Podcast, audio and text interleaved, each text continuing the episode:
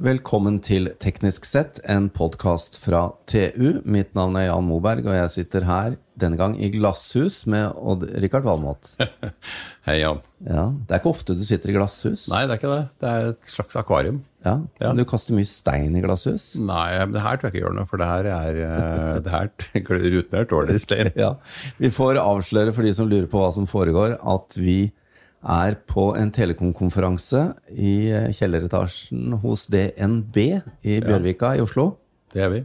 Eh, Det er vår egen konferanse, må vi vel avsløre, men, eh, men her sitter vi og lager podkast, og det er jo fint å ha tilgang til alle disse talerne, da. Fantastisk. Ja. fantastisk. Her blir det servert på et brett. Ja, det er jo Jeg tenker på de 600 og Nå er det 687 favorittområder. Det er nemlig kommet til et par til. Det skal vi ta i løpet av dagen, tenkte jeg. Men Bra du holder tellinga, ja. ja, det er mange av de som er eh, på scenen i dag, som eh, snakker om favorittområdene dine. Absolutt. absolutt. Her er det mekka. Ja, og da må jeg spørre deg, hvor mange GPS-mottakere har du?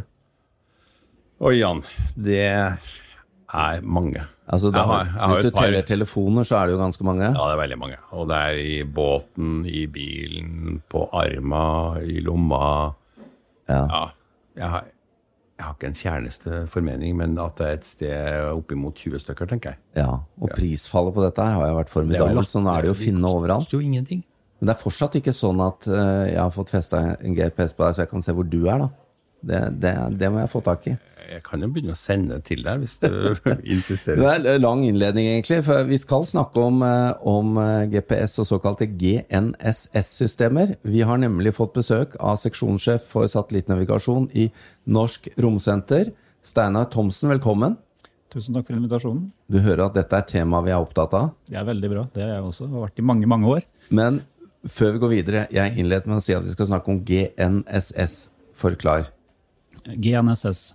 Det, er, det står for Global Navigation Satellite Systems. Og Ja. det tenker vi er en mye bedre betegnelse enn bare å snakke om GPS. Ja, for det er bare ett av flere systemer. GPS var det første, og det som alle mottakerne i dag i praksis har. Men etter hvert så har det kommet opp tre systemer til. Det neste systemet som kom etter GPS, det var jo det russiske GLONASS. Så har Europa kommet på banen med sitt Galileo, og i parallell med det så har kineserne kommet med sitt system, eh, Baidu, som alle er globale systemer, uavhengig av hverandre, men evner å spille sammen. Det har jo vært en formidabel utvikling, da.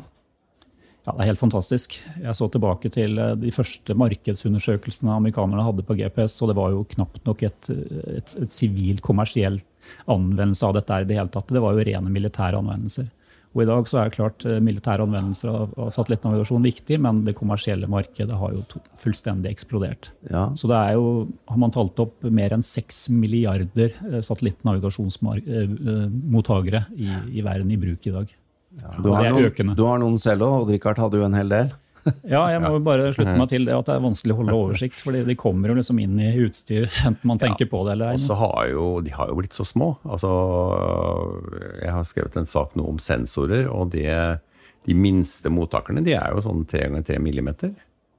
Som, Definitivt. De, de er inne på en liten chip, Ja. sammen med alt det andre, med blåtann og wifi og you name it. Ja, det er helt fenomenalt. Men Steinar, du må fortelle hvorfor uh, Norsk Romsenter og dette temaet? Altså, Vi skjønner jo at disse systemene har satellitter oppe i rommet, men hva, hva er deres uh, in involvering? Norsk Romsenter i, er jo et statlig organ som ligger under Nærings- og fiskeridepartementet. og i, i den sammenhengen her ivaretar norske interesser i deltakelsen i de europeiske satellittnavigasjonsprogrammene. Og disse programmene i, i EU de består av to komponenter. Du har Galileo, som er dette GNSS-et med et uavhengig system med, med global ytelse.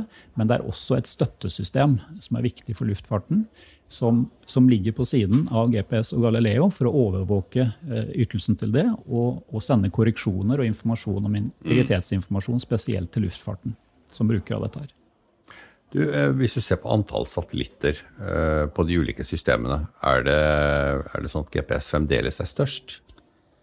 GPS har flest satellitter i bane og flest operative satellitter i dag. Men alle disse GNSS-ene de skal de skal ha flere. ha opptil 30 satellitter, for det er det man trenger for å ha en Ja. robust konstellasjon. Og det vil også Galileo få da, i løpet av eh, de nærmeste årene.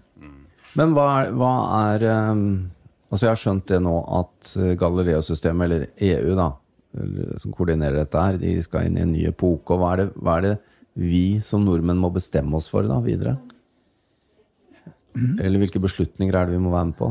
Ja, altså, Vi står jo utenfor EU, men vi er jo gjennom EØS-avtalen eh, si, eh, der, der, legger det til rette for at vi kan delta i en del av disse programmene som er i EU. Bl.a. Ja. romprogrammene. Ja.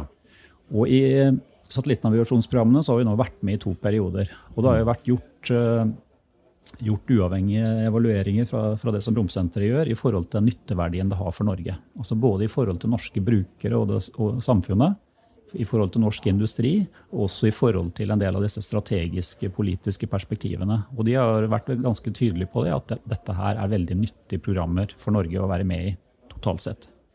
Og vi står nå uh, på trappene da, til å måtte ta en beslutning i løpet av neste år med tanke på videre norsk deltakelse i dette programmet. Og dette programmet det er jo det eneste satellittnavigasjonsprogrammet Norge kan delta direkte, direkte i. De andre systemene er jo viktige brukere av og det skal vi forbli. Mm. Men det å sitte inne i styrende organer, ha norsk industri som leverer komponenter, ja. ha viktige bakkestasjoner på norsk jord, så, så, så, gir det oss en helt annen type innsikt. Mm. Det gir oss en påvirkning som er helt unik i forhold til eh, den viktigheten disse systemene har for alle anvendelser mm. på tvers av hele samfunnet i dag. For de andre de er gratis å bruke. ikke sant? GPS det er bare når vi måte, høster av eh, amerikanske bevilgninger. Alle systemene har åpne signaler som er, som er gratis å bruke. Men Norge som nasjon, da, vi må ha Hva er det som kjennetegner oss? Er det fordi vi ligger langt nord, at vi har dype fjorder eller høye fjell? og eh, er det, er det, spesielle ting som gjør at vi også kan få tilpasset dette bedre til vår uh, lokasjon i verden?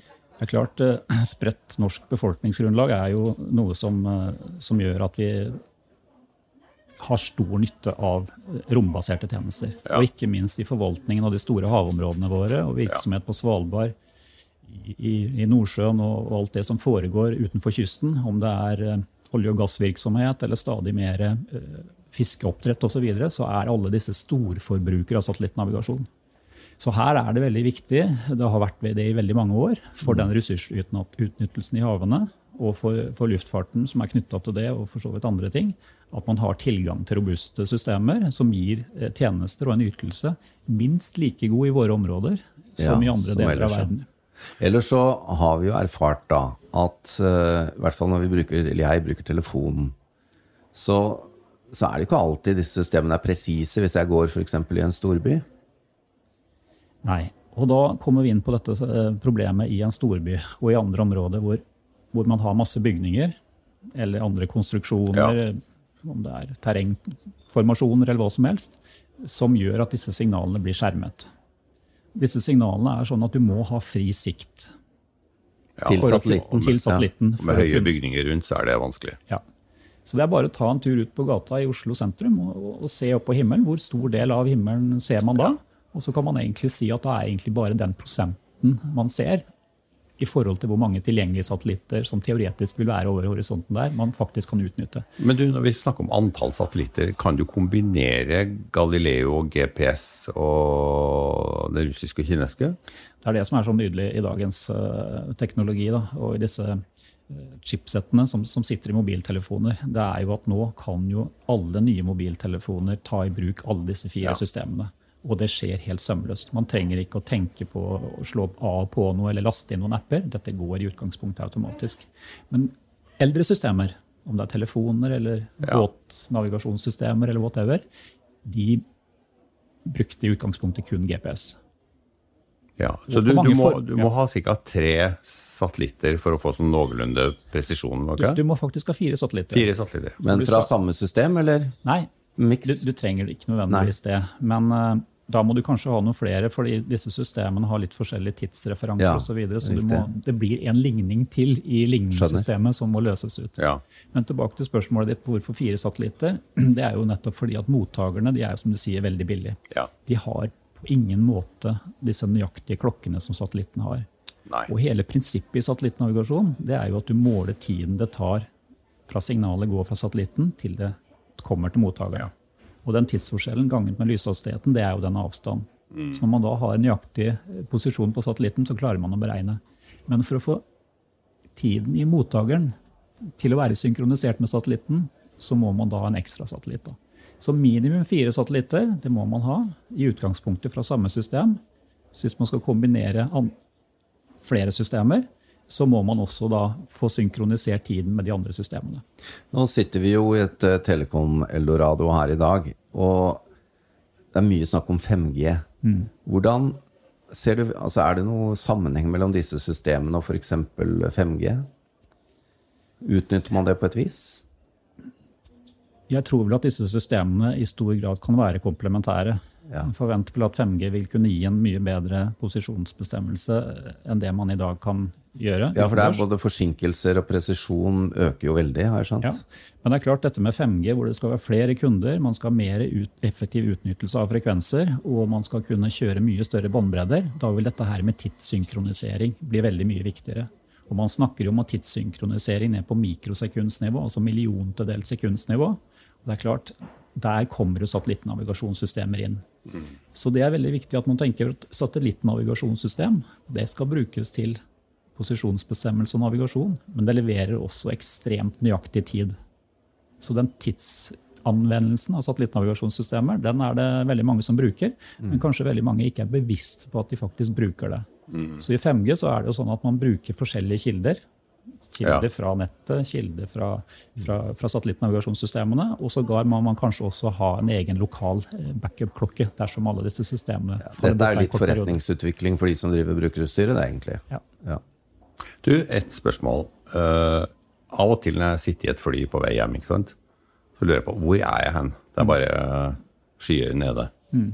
Så har jeg satt på GPS-en på telefonen, og så holder den opp mot vinduet en stund, og så bang, så får jeg faktisk posisjon. Mm. Jeg, eh, det virker nesten eh, utrolig på meg, da. Du sitter jo inni et Faraday-bur, mm. men får, du, får litt, du får nok gjennom vinduet, altså. Ja, det, det, går bra. For dette er ganske svake signaler. Veldig. Det er ikke mye futt i de satellittene. Veldig svake. Men da kan du igjen tenke at hvis du da kun hadde hatt GPS å spille på, og du, ja. signalene kommer gjennom den smale trakten av et flyvindu, ja så er du mye mer eh, sårbar. hvis ikke Du kan Du er 10 000 meter nærmere satellitten da, Richard. det hjelper ja, kanskje litt. De ligger vel på 22 km eller sånn, gjør de ikke? Ja, fra, fra 20 til 23 000 km over bakken. Ja, 1000 km. Ja. Det, det, er et, stykke. Et, et, spørsmål vi må komme inn på her avslutningsvis, er også den eh, som vi snakket om eh, tidligere her. Richard. Det har jo vært litt diskusjon rundt vårt gamle, ærverdige Lorancé-system. Hva er den diskusjonen? Det er vel en eh, backup-løsning som vi kanskje bør ha. Jo, men noen, noen argumenterer for at vi må få det opp og gå igjen. Ja, det er talsmenn for det, altså. Systemet er jo nå revet, så, så sånn sett så, så, må det da eventuelt bygges noe helt nytt. Og jeg tenker skal det være en reell eh, backup, en, en reell redundant system til, til, satellittnavigasjon, så må man jo også tenke på at det skal være brukere der ute som har, bruk, som har utstyr, ja. som har kompetanse, og som ser så stor nytte av disse systemene at man er villig til å investere i det. Og Det var jo litt av tilfellet på slutten av si, Lorancé-tiden, at det var jo knapt nok brukere igjen der ute. Mm. Det er vel primært flyet, tenker jeg, og som er i nærheten av, av steder hvor signalet på en eller annen måte gjemmes. Mm. Men det vi ser nå i, i Norge, over Fastlands-Norge, så, så, tenker jo luftfarten en del på det. Hvor, hvor, det da også etableres nye bakkebaserte systemer, à la dette DME-systemet, hvor man ja. fortetter, fortetter, den infrastrukturen nettopp for å kunne håndtere bortfall av satellittnavigasjon. Mm. For Det er da på helt andre frekvenser, mye større effekter, og det er bakkebasert. Avslutningsvis må jeg stille deg et spørsmål uh, her, Steinar. Det, det, har jo vært en formidabel utvikling på brukerutstyr også. Og nå er det jo sånn at disse systemene blir jo brukt i høy grad sivilt og militært. og hva, Ser du noe spesielt i krystallkula? Altså Den utviklingen vi har vært igjennom de siste 20 årene, kunne vi jo knapt forestille oss. Har du noen spådommer om, uh, om fremtiden her? GPS var jo utviklet som et rent militært system, og er jo til dels militært kontrollert og har store militære nytteverdier i dag. Men det man ser i dag, det er at i tillegg til militære nytteverdien, så vil den nytteverdien det har for kritisk nasjonal infrastruktur, den store nytteverdien det har for vår økonomi og generelle si, samfunnsfunksjonalitet, den er også veldig stor. Så det man ser nå i utviklingen av disse systemene, at det blir veldig mye mer sikkerhet inn i tjenestene som også tilbyr sivile.